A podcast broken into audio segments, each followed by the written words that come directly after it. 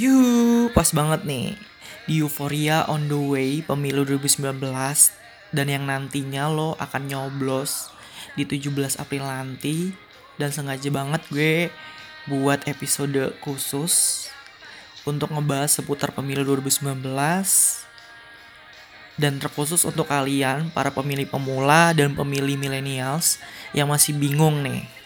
Gue akan milih siapa sih nanti gitu. Dan mungkin ada sebagian dari lo yang ngerasa bahwa ya udahlah mending gue golput ngapain sih gue capek-capek ke TPS untuk nyoblos gitu kan?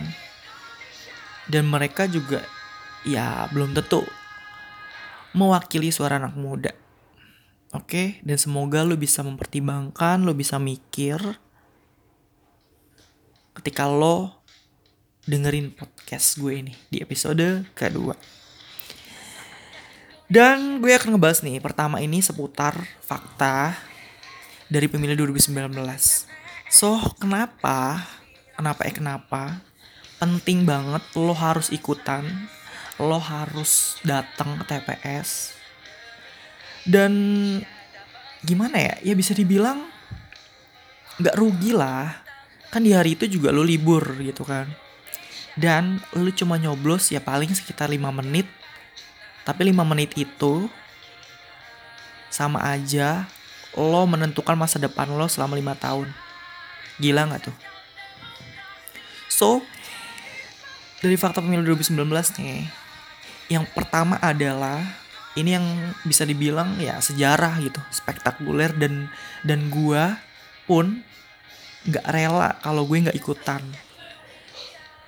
Karena untuk pertama kalinya ini sejarah bagi Indonesia. Untuk pertama kalinya mengadakan pemilihan presiden wakil presiden dan pemilihan legislatif secara serentak di seluruh Indonesia. What? Dan itu dalam satu hari dan lo bisa menjadi bagian dari sejarah itu. Kece nggak tuh? Dan mungkin ya ada mungkin uh, pemilih pemula atau pemilih millennials yang masih yakin ya udahlah mending gue golput aja tapi lu mikir nggak sih kalau biaya penyelenggaraannya itu gila-gilaan besar-besaran banget dan ini lebih besar dari pemilu 2014 lalu. Yang ya karena pemilihannya ya nggak serentak gitu kan. Dan ternyata bedanya dari kisaran biaya biaya penyelenggaraan sekitar perbedaannya ya 17 miliaran lah. Dari yang tadinya 2 24,1 triliun di 2014 dan di tahun ini meningkat.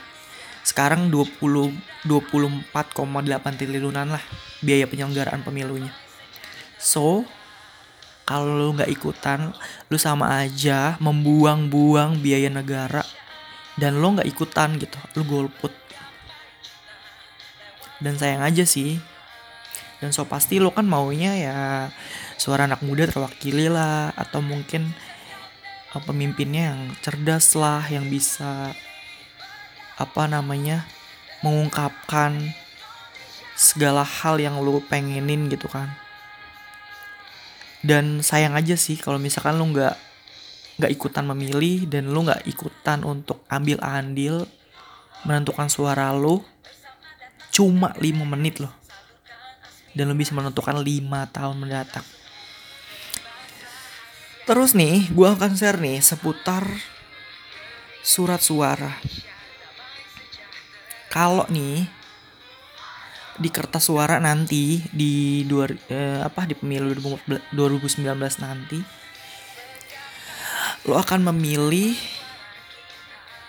presiden,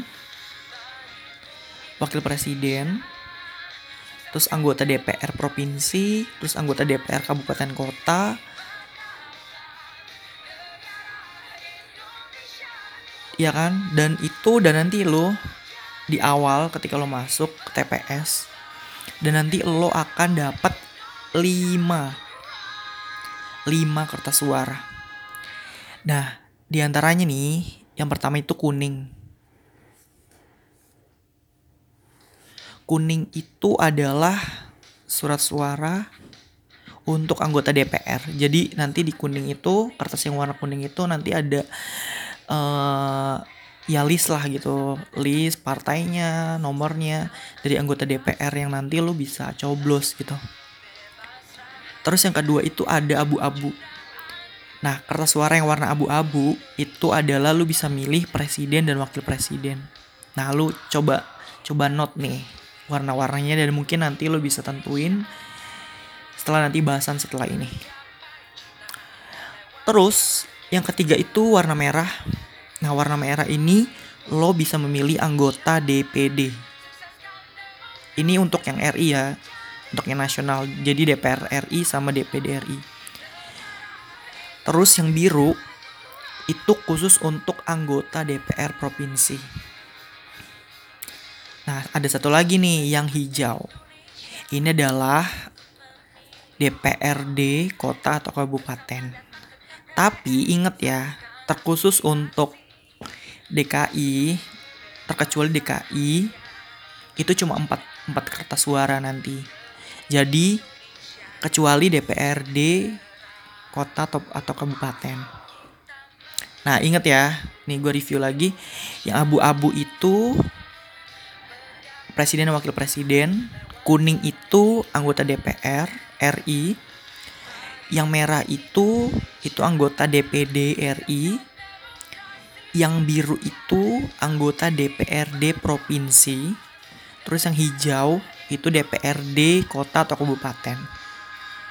Dan terkecuali untuk DKI Jakarta itu hanya empat nanti. Ketika nanti lo ke TPS lo cuma dapat empat nih. Khusus ya untuk para pemilih di DKI nanti lo cuma dapat empat dan lo bisa memilih empat itu. Kecuali untuk DPRD kota atau kabupaten nah ini nih ngomong-ngomong soal ini pastikan banget lo cek lo tuh terdaftar gak sih di DP di DPT yaitu daftar pemilih tetap. Nah, gimana sih cara cara ngeceknya? Lo bisa cek di webnya KPU yang resmi, lo bisa cek nih. Lo catat dan lo coba setelah ini dilindungi hak pilihmu .kpu.go.id. Sekali lagi ya, lindungi hak pilihmu .kpu.go.id. Nah, nanti lu di situ tinggal masukin aja, tinggal masukin nama lengkap lu sama nomor nick lu di KTP. Ya kan? Di KTP elektronik ya. Nah, lu cek, nanti lu klik hasilnya kayak gimana. Nanti di situ kelihatan data-data lu, lu di di ting, apa namanya? TPS-nya di mana, ada nomor TPS-nya juga dan kebagian di mana gitu pokoknya kayak identitas lo lah gitu kan kelihatan nah kalau nih kalau kalau nih kalau misalkan di situ nggak di apa ya bisa dibilang nggak nggak ada gitu terus datanya nggak ada nah nanti tugas lo adalah lo laporin ke kelurahan terdekat di tempat tinggal lo lo bisa lapor lo belum terdaftar dan segala macem dan kalau nih, nanti gue mau ngebahas nih seputar kalau misalkan pindah pilih ya, pindah apa namanya TPS gitu, pindah TPS gitu. Kalau untuk memilih terkhusus untuk untuk lolo pada yang apa sekarang nih anak rantauan gitu kan, atau mungkin uh, mau pindah tempat TPS atau mungkin baru pindah rumah gitu kan. Kayak gue nih gue kasusnya gue kayak pindah rumah tapi alhamdulillah sih masih uh, apa namanya DPT gue gue masih di daerah asal gue gitu. Nah ini yang terpenting. Soal lo yang masih bingung soal lo milih siapa nanti di 2019 nanti di pemilu 2019 nanti ya inget nih ya 17 April 2019 lo ke TPS oke okay? dan ini penting banget nih soal lo memilih siapa lo bisa cek rekam jejak mereka, rekam jejak calon legislatif yang tadi ya, yang DPR, yang DPD, yang DPRD provinsi sama DPRD kabupaten kota. Dan ya mungkin kalau lo mungkin familiar soal ya uh, calon presiden gitu ya karena dua gitu. Nah, sedangkan untuk para calon legislatif ini kan banyak banget gitu kan dan banyak yang bisa dibilang baru-baru gitu. Dan jangan sampai lu salah pilih. Kenapa? Karena ada secara secara undang-undang itu masih diiakan, masih diizinkan para para uh, mantan napi koruptor, mantan nar, mantan narapidana ya, mantan narapidana koruptor itu dia boleh mencalonkan lagi jadi anggota legislatif gitu. Jadi jadi ada beberapa nggak ada nggak beberapa sih banyak juga gitu. Nanti gue ngebahas setelah ini ya. Nanti lu bisa cek nih ya di webnya banyak banget nih kalau soal cek rekam jejak dan beruntung banget sebenarnya. Sekarang pemilih gitu kan lo sebagai pemilih termasuk lo sebagai pemilih pemula sekarang sudah dimudahkan dengan yang namanya teknologi. Lo bisa cek rekam jejak mereka dengan bisa dibilang ya open gitu. Dan lo bisa cek semuanya siapa sih orangnya. Mungkin lo melihat di ya cukup familiar lah mungkin ya kan yang lo tahu beberapa nama gitu tapi jangan sampai yang lo tahu itu adalah ya secara rekam jejak secara kasus dia punya rekam jejak yang buruk gitu. Misalnya kayak dia uh, punya pernah gitu ya pernah dapat kasus kasus kriminal gitu. Dan dan itu ya so pasti ya jadi perhitungan lah gitu. Kalau gue sih ya kalau gue sebagai pemilih gue akan mikir-mikir lebih untuk mereka gue pilih atau enggak gitu Nah, ternyata nih ada empat bisa dibilang aplikasi dan website gitu yang dikeluarin oleh lembaga-lembaga untuk ngecek nih rekam jejak mereka. Kayak bio biodata, terus bahkan sampai status kasus gitu. Jadi kayak uh, apa ya bisa dibilang kasus-kasus yang pernah dialami atau mungkin status dia bersih atau kayak gimana dan itu terangkum semua di rekam jejak itu. Dan ternyata nih ada empat ada empat platform yang lo bisa kunjungin dan lo cek sekarang. Daripada lo mikir aneh-aneh ya kan? Lo mikir golput atau mungkin lo merasa bahwa apatis dan segala macem. Mending ya mending lo mikir lagi. Karena ini menyangkut hidup lo Nah, yang pertama nih, ini web resmi dari KPU. Dan lo bisa jelajahin ini. Dan itu nggak nggak sebatas soal rekam jejak sih, banyak banget kayak di daerah pemilihan. Terus juga lo juga bisa ngecek kan, bisa ngecek soal DPT lo di mana gitu kan. Dan ternyata nih, ini juga web yang bisa dibilang ya dibuat sama KPU dan ini menyajikan seputar pemilu di Indonesia. Jadi lu juga bisa ngecek sejarah-sejarah pemilu, lu juga bisa ngecek terkhusus untuk pemilu di 2019. Semua semuanya di di sana ada semuanya. Bahkan sampai data soal partai politik, calon presiden wakil presiden, daerah pemilihan yang tadi gue bilang, terus juga calon-calon legislatif, terus juga calon dari anggota DPD. Nah, cara ngeceknya itu di Webnya adalah di infopemilu.kpu.go.id. Sekali lagi ya. infopemilu.kpu.go.id. Nah, nanti nih lo bisa ngecek daftar DPT. Nih ya yang tadi gue bilang ya. Jadi lo bisa ngecek jenis pemilihan. Nanti nih ada ada menu gitu Nah, jadi lo bisa ngeceknya dari jenis pemilihan. Nanti lo milih Pileg 2019, lo klik. Nanti lo klik lagi pemilih. Terus juga lo klik lagi cari pemilih. Ini yang ini cara yang untuk cek DPT ya.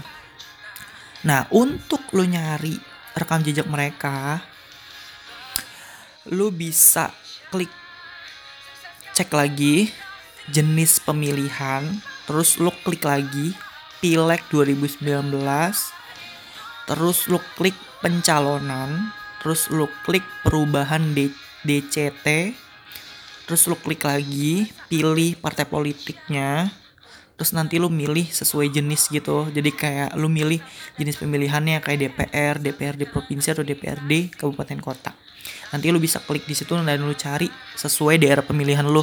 Misalkan lu sekarang tinggal misalkan di Jakarta Selatan. Ya udah nanti lu cari aja mana DPT-nya lu klik. Terus nanti di kelihatan di sana calon-calonnya siapa aja sih gitu kan. Nah for information nih gue sambil puter ini backsoundnya apa ya bisa bilang jingle lah jinglenya KPU untuk euforia 2000 eh pemilu 2019 ini. Dan nah selain di tadi di website di websitenya KPU lo juga bisa cek yang gue yang bisa dibilang lebih simpel sih. Dan gue sebenarnya udah coba dari empat ini lu gue udah coba tiga. Dan ternyata ada lagi satu web yang lu bisa coba gitu kan lu bisa cari rekam jejak mereka. Nah yang kedua itu adalah webnya webnya punyanya ICW Indonesia Corruption Watch nah lu bisa cek nih di rekamjejak.net nah kalau ini nih fokusnya itu soal rekam jejak dari caleg DPR 2019 sampai 2024 ya. Petahana khususnya mengenai sikap dan keterlibatan pada isu korupsi. Nah, jadi nanti lo ketika lo ngunjungin rekam jejak.net ini punyanya ICW, lo juga bisa cek rekam jejak mereka gitu, calon-calonnya ya. Nah, nanti lo bisa cek nih saat memilih menu gitu, menunya cek profil.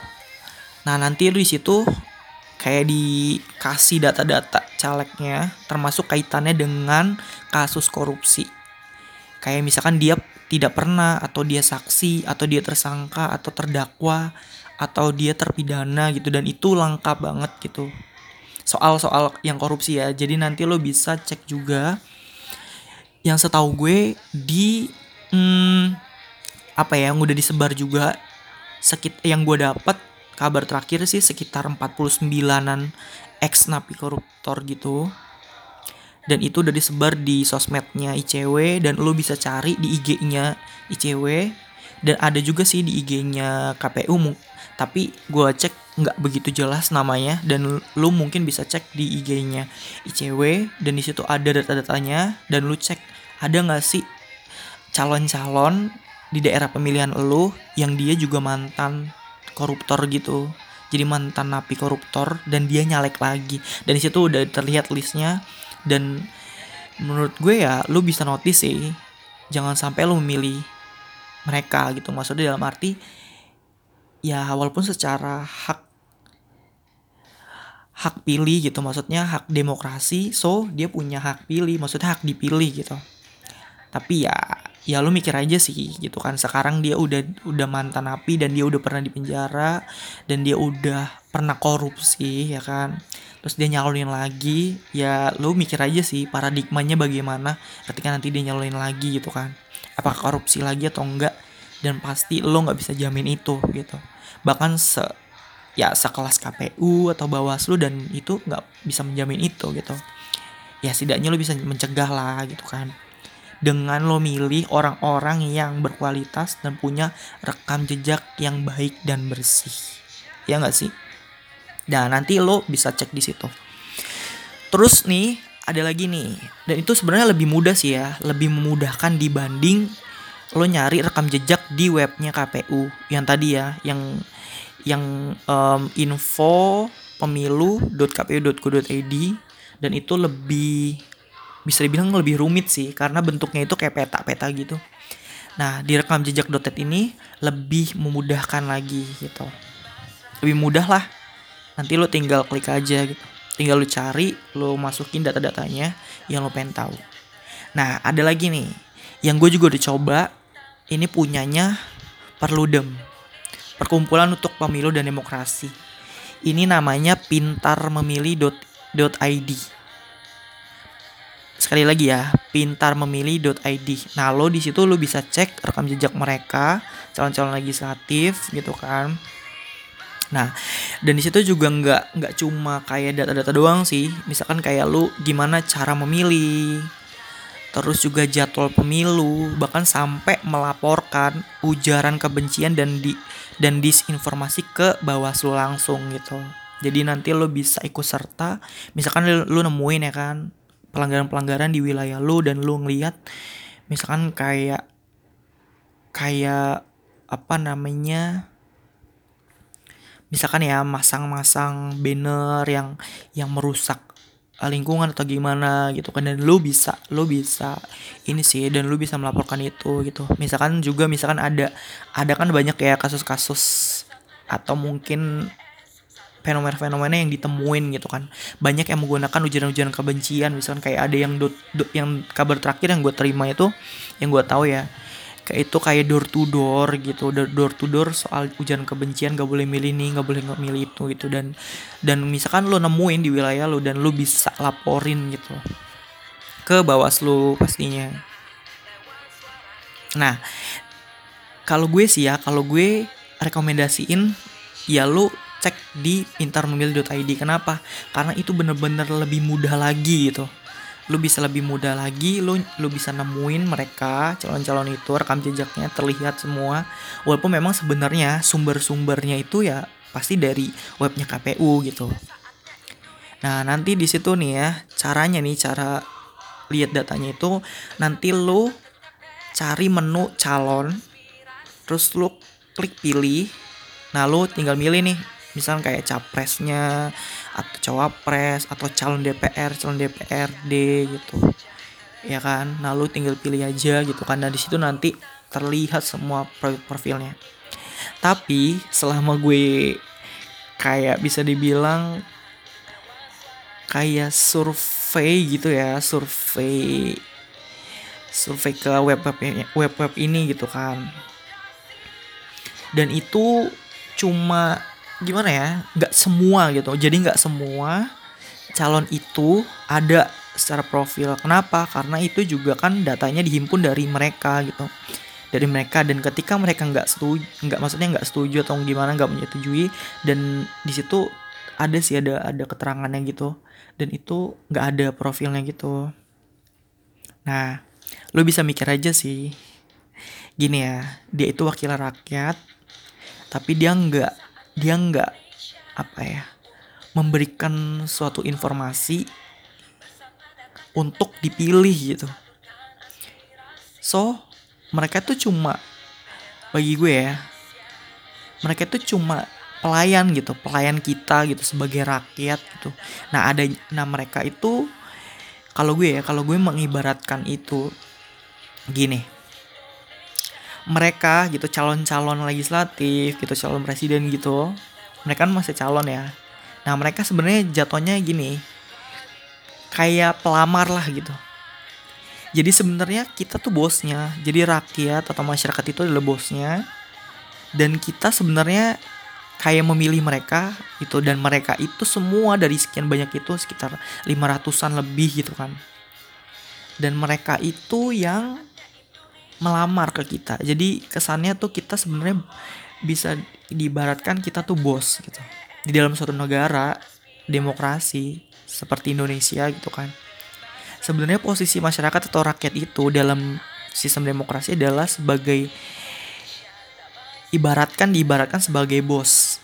Karena kita yang dilayani gitu kan dan kita yang dan kita yang kita yang menentukan mereka gitu. Nah, dan lo dan lo bisa bisa nganggap ya mereka ya sebenarnya lagi ngelamar kayak ngelamar aja gitu. Kayak ngelamar kerja lah gitu ke kita gitu. Dan kita yang sebagai bosnya dan kita yang memilih gitu. Kita yang menentukan. Dan itu kenapa gitu kan maksud dan itu kenapa sayang aja gitu ketika lo memilih golput dan lo milih nggak milih ya lo sama aja gak bisa menentukan masa depan bangsa lo negara lo dengan baik gitu. Lima tahun mendatang. lo gila gak sih? Lu cuma milih 5, 5 menit tapi lo menentukan masa depan Indonesia 5 tahun mendatang gitu. Kira-kira gitu. Jadi ya lo bisa pastiin sih wakil-wakil rakyat itu biar nggak korupsi lagi atau banyak ulahnya ya kan? Dan mungkin lo udah gerah gitu. Dan gue apalagi gitu udah muak sebenarnya dengan kasus-kasus korupsi atau kasus-kasus yang mereka tuh nggak tahu diri gitu mereka tuh dibayar oleh kita ya kan? Tapi dia juga korupsi gitu ngambil uang uang negara gitu kan. Dan itu yang harusnya kita cegah gitu dan kita tekan dengan cara apa salah satunya? Dengan cara kita nyoblos. Jangan golput. Kenapa jangan golput? Karena ketika lo golput lo sama aja merelakan jalan di mana lo nggak bisa ngubah sistem yang lebih baik lagi gitu. Dan yang terpenting adalah lo nggak bisa kayak gimana ya lu sama aja sih. Lu sama aja membuang-buang kesempatan gitu kan. Dan membuat oknum-oknum yang licik di luar sana yang bisa memainkan suara lo ketika lo golput gitu. Dan itu ya sangat bahaya gitu. Dan setidaknya lo bisa mencegah itu dan lo bisa ya pastikanlah suara lo itu ter terada gimana ya terada ter terekap dengan baik dan lo termasuk jadi bagian sebagai pemilih gitu. Dan lo memilih gitu dari dari sekitar 190 jutaan gitu rakyat Indonesia dan DPT gitu kan di seluruh Indonesia dan lo bisa bagi bisa jadi bagian itu gitu ya so pasti lo bisa menentukan sejarah Nah, nyambung nih soal Nah, ini oke okay nih. Gue lupa nih satu. Satu lagi nih, lo bisa cek rekam jejak. Ini punyanya para sindikat. Nih gue sih, gue sih jujur gue belum gue belum nyoba ya webnya. Nah nanti lo bisa cek nih di calegpedia.id calegpedia.id nanti lo bisa cek di situ uh, soal rekam jejak juga gitu. Nah tapi kalau di webnya di webnya sindikat ini dia itu nanti langsung mendeteksi lokasi pemilih dari GPS gitu. Nah nanti pemilih itu bisa mencari lokasi berdasarkan lokasi atau mencari caleg secara manual. Jadi misalnya nih, uh, lu misalkan tinggal misalkan di uh, Kebumen misalkan. Terus nanti lu kelihatan nih ya kan dari dari lokasi lu lu lu dari GPS lu nanti ada berdasarkan lokasi. Nah nanti lu tinggal lihat deh tinggal lu cari calegnya di mana gitu kan. Nah terus bahkan nih di web ini juga di webnya para sindikat itu juga dia ada voting gitu voting juga yang bisa mungkin lu bisa terlibat di situ ya kan Nah itu ada empat ya, ada empat web yang lo bisa kunjungin soal lo ngecek rekam jejak para calon legislatif gitu. Oke review lah, review ya. Yang pertama nih, yang pertama itu dari KPU, info pemilu dot, gue lupa nih, info pemilu dot kpu dot go dot id. Terus yang kedua itu dari ICW, rekamjejak.net Terus yang ketiga itu dari Perludem punya Perludem pintarmemilih.id dan kalau gue sih ya rekomend recommended banget nih di pintarmemilih.id karena lebih mudah banget gitu. Jadi memudahkan lo banget untuk nyari. Terus yang keempat itu dari sindikat calegpedia.id dan lo bisa explore di situ lo klik-klik kalau lagi iseng-iseng aja sih. Kalau lagi luang-luang dan lo sambil ya sambil lihat lah gitu kan. Karena sayang aja gitu kalau misalkan lo nggak milih nggak nggak menentukan suara lo dan lo rela untuk golput aja gitu kan. Terus nih gue nggak gue mau ngebahas nih selanjutnya seputar ketika lo memutuskan untuk pindah TPS gitu. Dan mungkin lo sikonnya anak rantauan atau mungkin lo tinggal di mana gitu kan. Dan misalkan lo kerja kerjanya tapi kayak beda bukan dari apa namanya domisili gitu kan.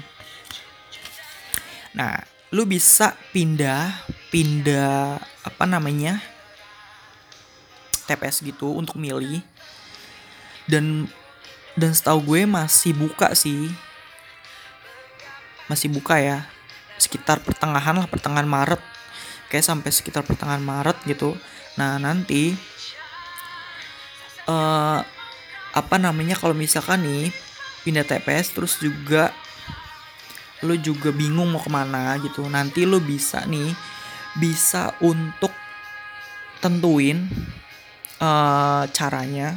Nanti lo bisa urus ke apa namanya kelurahan kelurahan kelurahan setempat gitu kan nah tapi ternyata nih gue udah gue udah himpun nih informasi-informasi dari KPU gitu kan. Dan ternyata resikonya adalah ketika lo apa namanya pindah TPS gitu resikonya adalah lo nggak nggak apa namanya nggak memilih gitu loh. Jadi maksudnya nggak memilih semuanya. Jadi misalkan nih misalkan ya misalkan nih eh uh,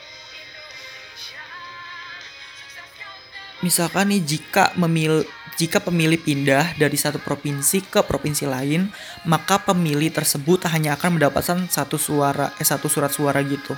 Jadi cuma surat suara pemilihan presiden gitu. Jadi kayak lu cuma milih uh, presiden dan wakil presiden gitu. Kalau misalkan lu lu pindah ya, lu pindah provinsi gitu, pindahnya, pindah domisilinya uh, atau mungkin lo pindah si kon kondisi lo kerja kondisi kuliah atau gimana gitu kan. Lo udah kerantauan dan lo cuma dapat kesempatan satu surat suara nanti ketika lo di, di TPS lo cuma milih satu yaitu milih presiden dan wakil presiden. Nah so pasti lo akan kehilangan kesempatan untuk nyoblos empat suara lainnya. Nah misalkan nih terus juga nih ya kan? Tapi um, lo pindah pindah TPS cuman uh, cuma beda satu kabu eh cuma beda kabupaten gitu. Jadi misalkan gini misalkan lo pindah dari satu kabupaten ke kabu kabupaten lain tapi so pasti itu masih satu provinsi ya. Tapi berbeda daerah pemilihan gitu DPR-nya untuk DPR-nya ya kan? Nah pemilih tersebut nanti akan mendapat dua surat suara, yaitu surat suara pemilihan presiden dan DPD. Misalkan kalau misalkan beda beda daerah pemilihan itu untuk DPR ya, kan satu daerah pemilihan terdiri dari beberapa kabupaten ya kan, untuk daerah pemilihan DPR. Tapi kalau misalkan lu pindah uh, pindah TPS itu dari kabupaten satu ke kabupaten lain, tapi cuman dalam satu provinsi, nanti lu cuma memilih apa presiden dan DPD gitu. Ya kan? Terus misalkan nih pemilih ini pindah dari satu kabupaten ke kabupaten lain tapi dalam satu provinsi yang masih satu daerah pemilihan. Misalkan kayak misalkan nih gini misalkan kayak daerah pemilihannya DPR-nya itu contohnya misalkan daerah pemilihan Jateng satu misalkan ya kan? Terus uh, tapi tapi masih dalam satu daerah pemilihan gitu. Nah nanti lu bisa dapat kesempatan untuk uh, memilih empat atau tiga surat suara gitu. Jadi misalkan nih pemilih mendapat empat surat suara jika pindah memilih di kabupaten yang dapil DPR-nya sama dengan dapil DPRD provinsi ia akan mendapat surat suara pemilihan presiden, DPD, DPR RI, dan DPRD provinsi. Tapi, pemilih akan mendapat tiga surat suara jika pindah pemilih memilih di kabupaten yang daerah pemilihan DPR DPR-nya beda ya. Ini DPR-nya beda dengan daerah pemilihan dari DPRD provinsi. Nah, dia akan mendapat surat suara pemilihan presiden, DPD dan DPR RI gitu ya. Jadi ini mekanisme yang coba dibuat oleh KPU ya kan. So pasti untuk memudahkan juga gitu kan yang anak rantauan gitu kan yang pindah secara ya mendadak atau gimana gitu karena ketuntutan kerja, karena tuntutan kuliah gitu. Dan itu bisa di bisa diakalin dan lu bisa uh, menggunakan hak pilih lu juga gitu.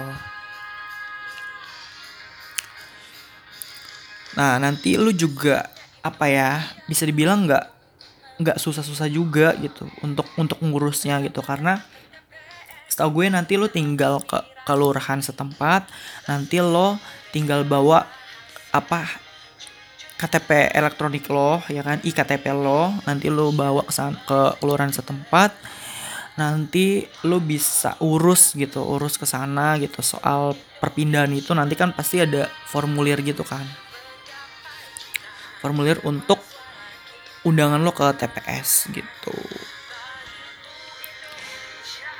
Nah, yang disebut, nah kalau di ini kan nama formulirnya itu kan A5 ya. Nah, nanti A5 itu ya kalau misalkan nih uh, misalkan misalkan nih pindah nih ya. Nih gua kasih tahu untuk yang lo nanti pindah pindah pemilihan nanti lo bisa mencatatkan pindah memilih itu ke panitia pemungutan suara atau PPS yang tersedia di desa atau kelurahan asal atau tujuan. Nah, nanti kayak di kelurahan nanti ada lah pokoknya. Setahu gue uh, untuk ngurus itu masih sampai sekitar pertengahan Maret dan lo bisa ngurus itu dan baru diperpanjang lagi sama KPU gitu kan. Dan yang tadinya kan sekitar Februarian gitu kan paling lambat. Dan sekarang udah diperpanjang lagi sama KPU dan lo bisa ngurus itu.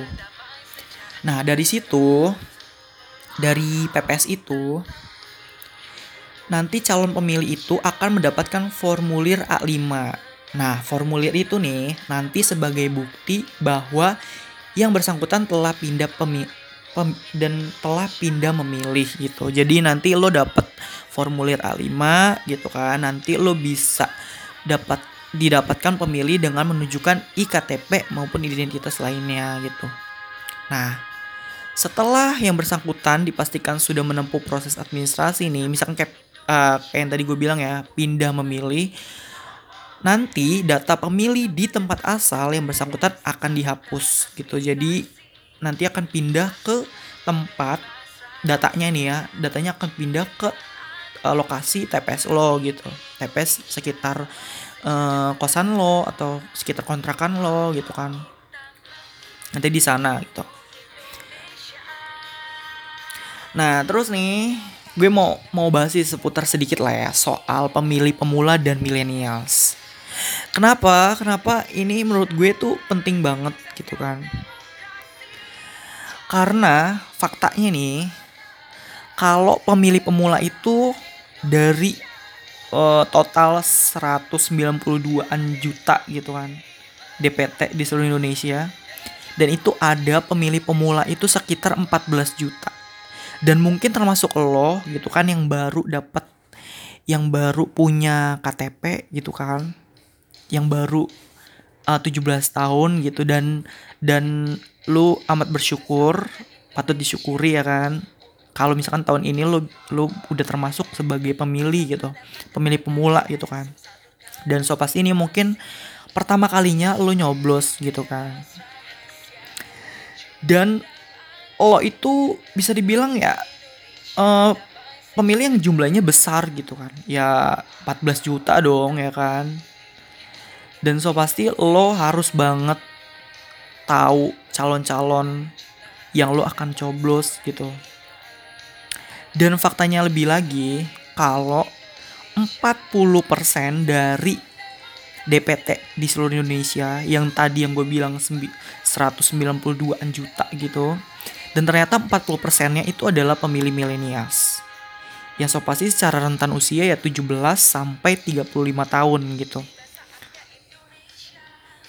Dan mungkin ya termasuk lo sebagai pemilih pemula dan gue gitu kan dan apa ya bisa dibilang itu itu hal yang menentukan gitu. Menentukan bagi calon. So pasti kayak kayak misalkan calon-calon yang besar gitu. Misalkan kayak calon presiden dan wakil presiden. Dan itu menentukan kemenangan. So ketika lo gak menentukan secara benar dan lo gak tahu rekam jejaknya dan lo gak bisa milih dan memilah mana yang sebenarnya baik dan benar gitu kan mana yang sebenarnya punya rekam jejak baik gitu secara birokrasi yang dia punya pengalaman gitu kan. Sebagai ya uh, pemegang suara rakyat lah gitu kan. Sebagai pejabat gitu. Dan ya amat disayangkan gitu. Nanti ya lo nanti akan suara lo nanti nggak akan nggak akan menentukan gitu masa depan Indonesia yang lebih baik lah gitu kan inget loh 40% suara kita suara kita millennials dan itu akan jadi pegangan mereka para calon presiden dan wakil presiden atau calon-calon legislatif untuk memperoleh kemenangan Oke, jadi lo harus pintar-pintar memilih, harus milih bener-bener milih gitu. Karena for information nih, ya pas ya mereka ya ya lagi lagi ngatur strategi gitu. Gimana sih caranya menggait millennials gitu kan? Apalagi yang sikonnya banyak yang cuek dengan politik gitu kan. Yang enggak yang males untuk terlibat secara aktif gitu kan.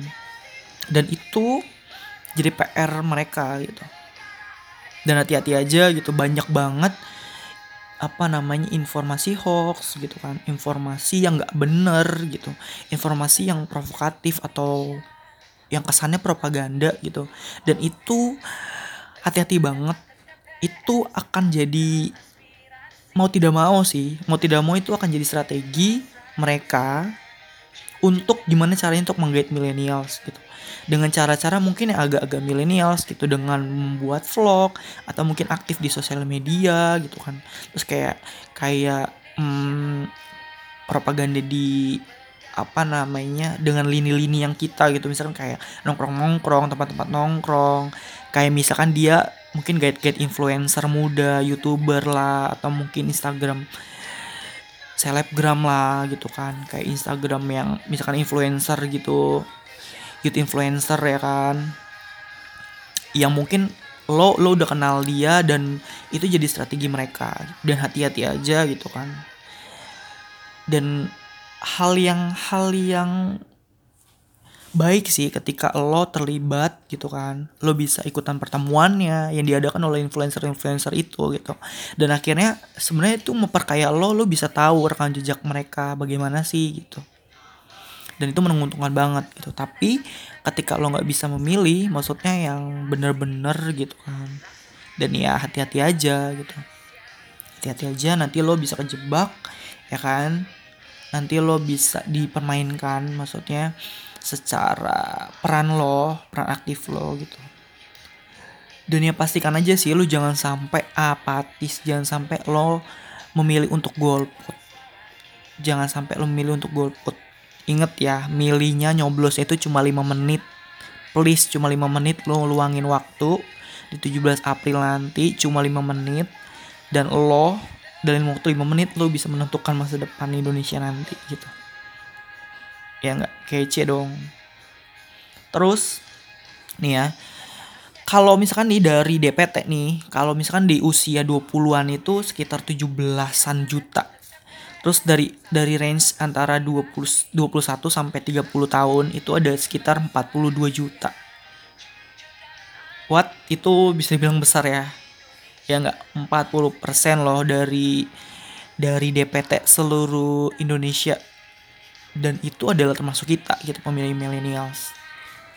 Nah, gue nih gue gue punya punya lima alasan nih Kenapa sih lo millennials harus banget menghindari golput dalam pemilu? Nah, yang pertama nih adalah nggak semua orang memiliki hak pilih seperti lo. Nah, untuk men untuk penduduk nih yang misalkan nih belum mencapai 17 tahun. So pasti dia belum mempunyai KTP, terus juga mereka terus juga mereka juga belum terdaftar gitu kan secara sensus penduduk gitu kan bahwa ya tidak berhak memilih atau tidak memiliki hak pilih gitu. Nah, sedangkan mereka sendiri ingin sekali suara mereka didengar dalam pemilu. Nah, lo nih memiliki hak pilih, kenapa harus golput gitu kan? Sedangkan banyak di luar sana yang berusaha agar mendapatkan hak pilih.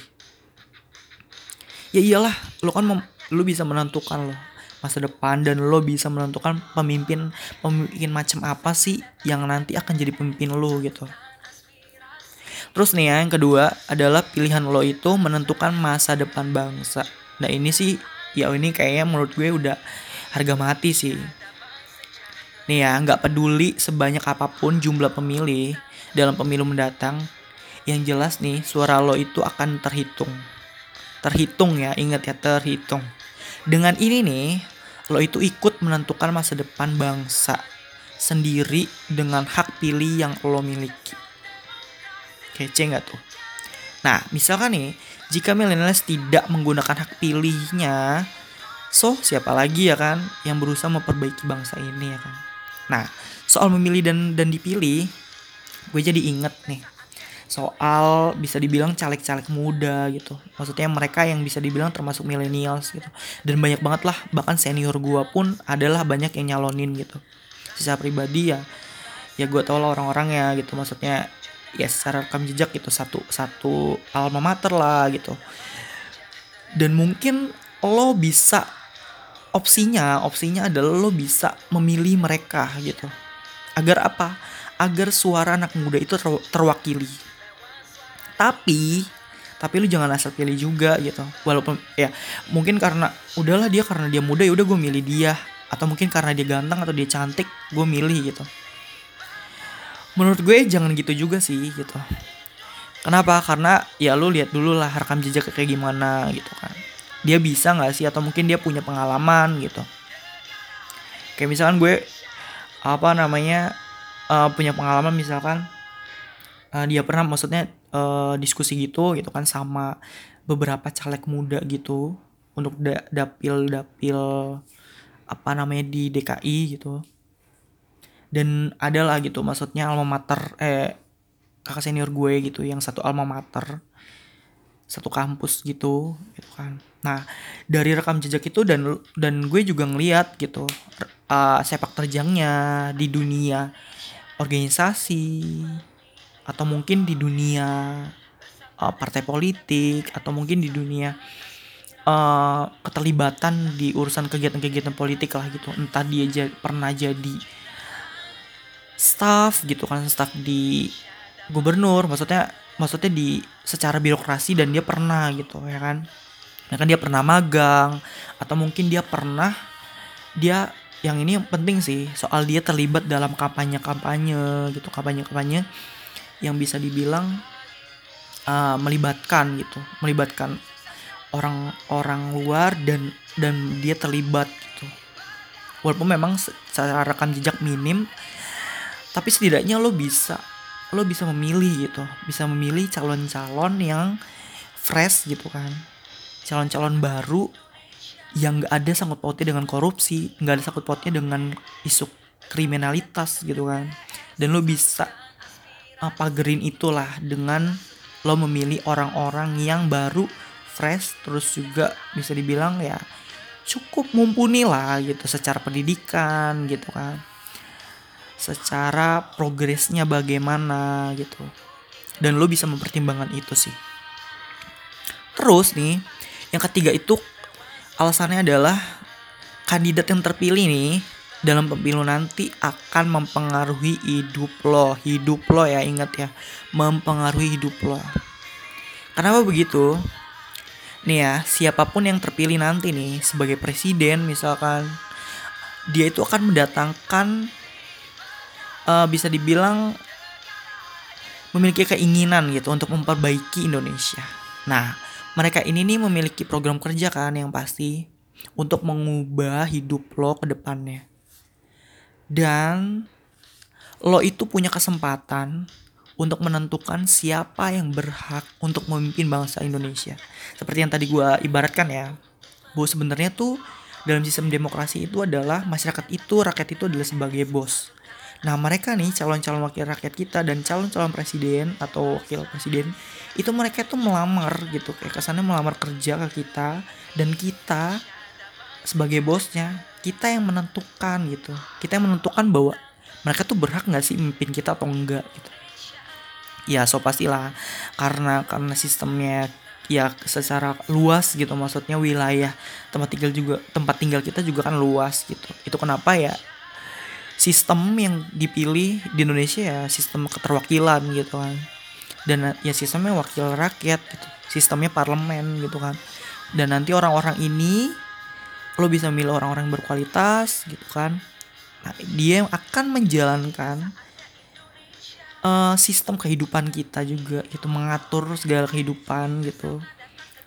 Dan yang ya pasti yang sesuai ilmu mereka lah maksudnya bidang-bidang mereka dan kita mempercayai itu dengan cara apa mempercayainya dengan cara kita memilih gitu dan kita yakin bahwa dia bisa membangun dan mengelola dan manajemen negara ini gitu secara baik gitu kan termasuk juga soal mengatur tata kehidupan yang kita jalani sebagai warga negara gitu. Jadi lebih sebenarnya lebih ke situ. Sebenarnya jatuhnya adalah kita bosnya, bukan mereka bosnya. Gitu. Mereka tuh cuma cuma pegawai pelayan aja gitu, pegawai gitu kan. Yang yang tugasnya melayani kita sebagai rakyat atau sebagai masyarakat gitu. Cuma kan sekarang paradigmanya adalah ya terbalik gitu. Nah, sekarang caranya untuk lo bisa jadi bos yang baik bos yang bisa menentukan masa depan perusahaan lo ya kan anggap aja negara ini sebagai perusahaan gitu kan lo nganggep ya yang jadi membuat perusahaan lo yang terbaik lah gitu kan. Ya caranya lo ya merekrut gitu merekrut orang-orang yang bisa mengelola perusahaan lo dengan baik dan benar gitu. Ya enggak nah terus nih millennials eh millennials harus banget nih menggunakan hak pilih gitu. Karena siapa pun yang terpilih nanti so pasti akan mempengaruhi kehidupan lo nantinya. Tapi nih resikonya ya. Kalau misalkan lo memilih golput berarti sama aja lo membiarkan apa yang akan terjadi dalam hidup lo mendatang ditentukan oleh orang lain bukan diri lo sendiri so ya kan lo misalkan lo memutuskan sekarang golput oke okay? Tapi misalkan lo lu ya udah lo golput terus nggak memilih gitu. Dan ternyata orang yang terpilih gitu yang mendapat suara banyak itu dan dia terpilih jadi wakil rakyat jabat sebagai DPR DPD DPRD gitu kan. Dan akhirnya mereka nggak nggak mikir gitu. Mereka nggak mikir bahwa ya gue harusnya seperti ini gitu. Harusnya melakukan hal-hal yang terbaik bagi rakyat gitu. Dan pasti ya dampaknya karena orang yang nggak berkualitas hal jeleknya adalah ya so pasti kayak kasus-kasus lah misalkan kayak korupsi lah terus kayak dia sewenang-wenang lah menggunakan wewenangnya gitu kan sebagai wakil rakyat gitu kan.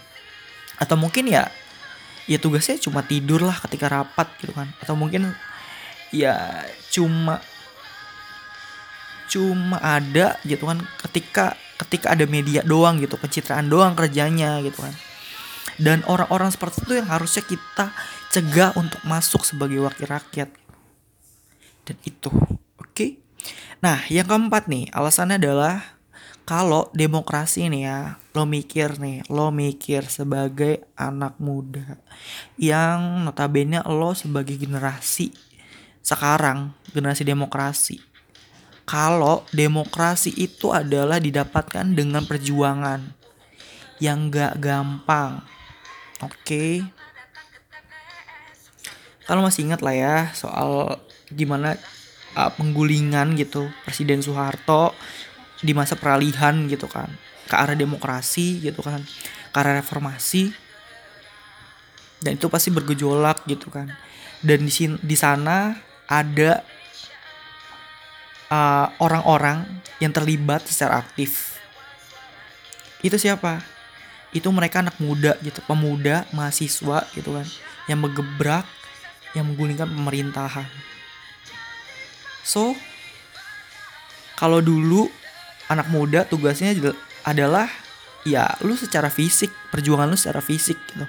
Lo bisa ditembak lo bisa mati di tempat ya kan. Lo bisa diculik lo bisa dipenjara tanpa tanpa sebab gitu. Dan lo bisa hilang gitu aja gitu kan ya kan kayak ya kasus sekarang gitu kan kayak misalkan adanya aksi kamisan dan itu masih terus-terusan ada gitu. Ya itu kenapa? Ya karena ya karena anak-anak mereka nggak nggak ada kabarnya hilang gitu aja gitu kan.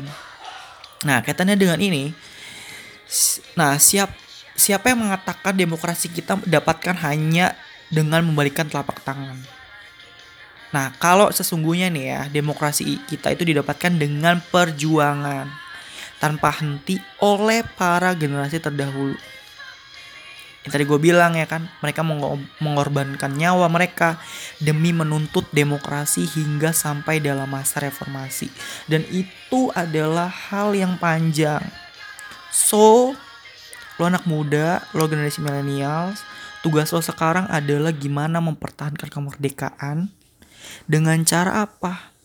Dengan cara berpartisipasi aktif secara aktif dalam sistem demokrasi, dalam proses demokrasi yang ada. Ya, ya hal kecil sih, ya kayak nyoblos gitu. Kayak lu datang ke TPS, lu memilih pemimpin yang berkualitas gitu, yang bisa menentukan arah atau menentukan wajah Indonesia lima tahun mendatang gitu kan. Dan ya tugas kecil lo seperti itu gitu. Sekarang ya. Dan mungkin lo lo bisa bisa uh, belajar gitu kan dan ya udah lo membentuk diri lo se seperti apa di dunia pendidikan gitu kan tapi lo jangan lupa kalau lo punya peran, lo punya tugas untuk mempertahankan kemerdekaan dengan cara apa?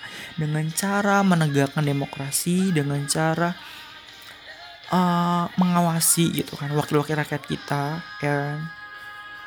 Dan lo bisa ya cara kecilnya adalah memilih gitu, lo nyoblos gitu, lu jangan golput.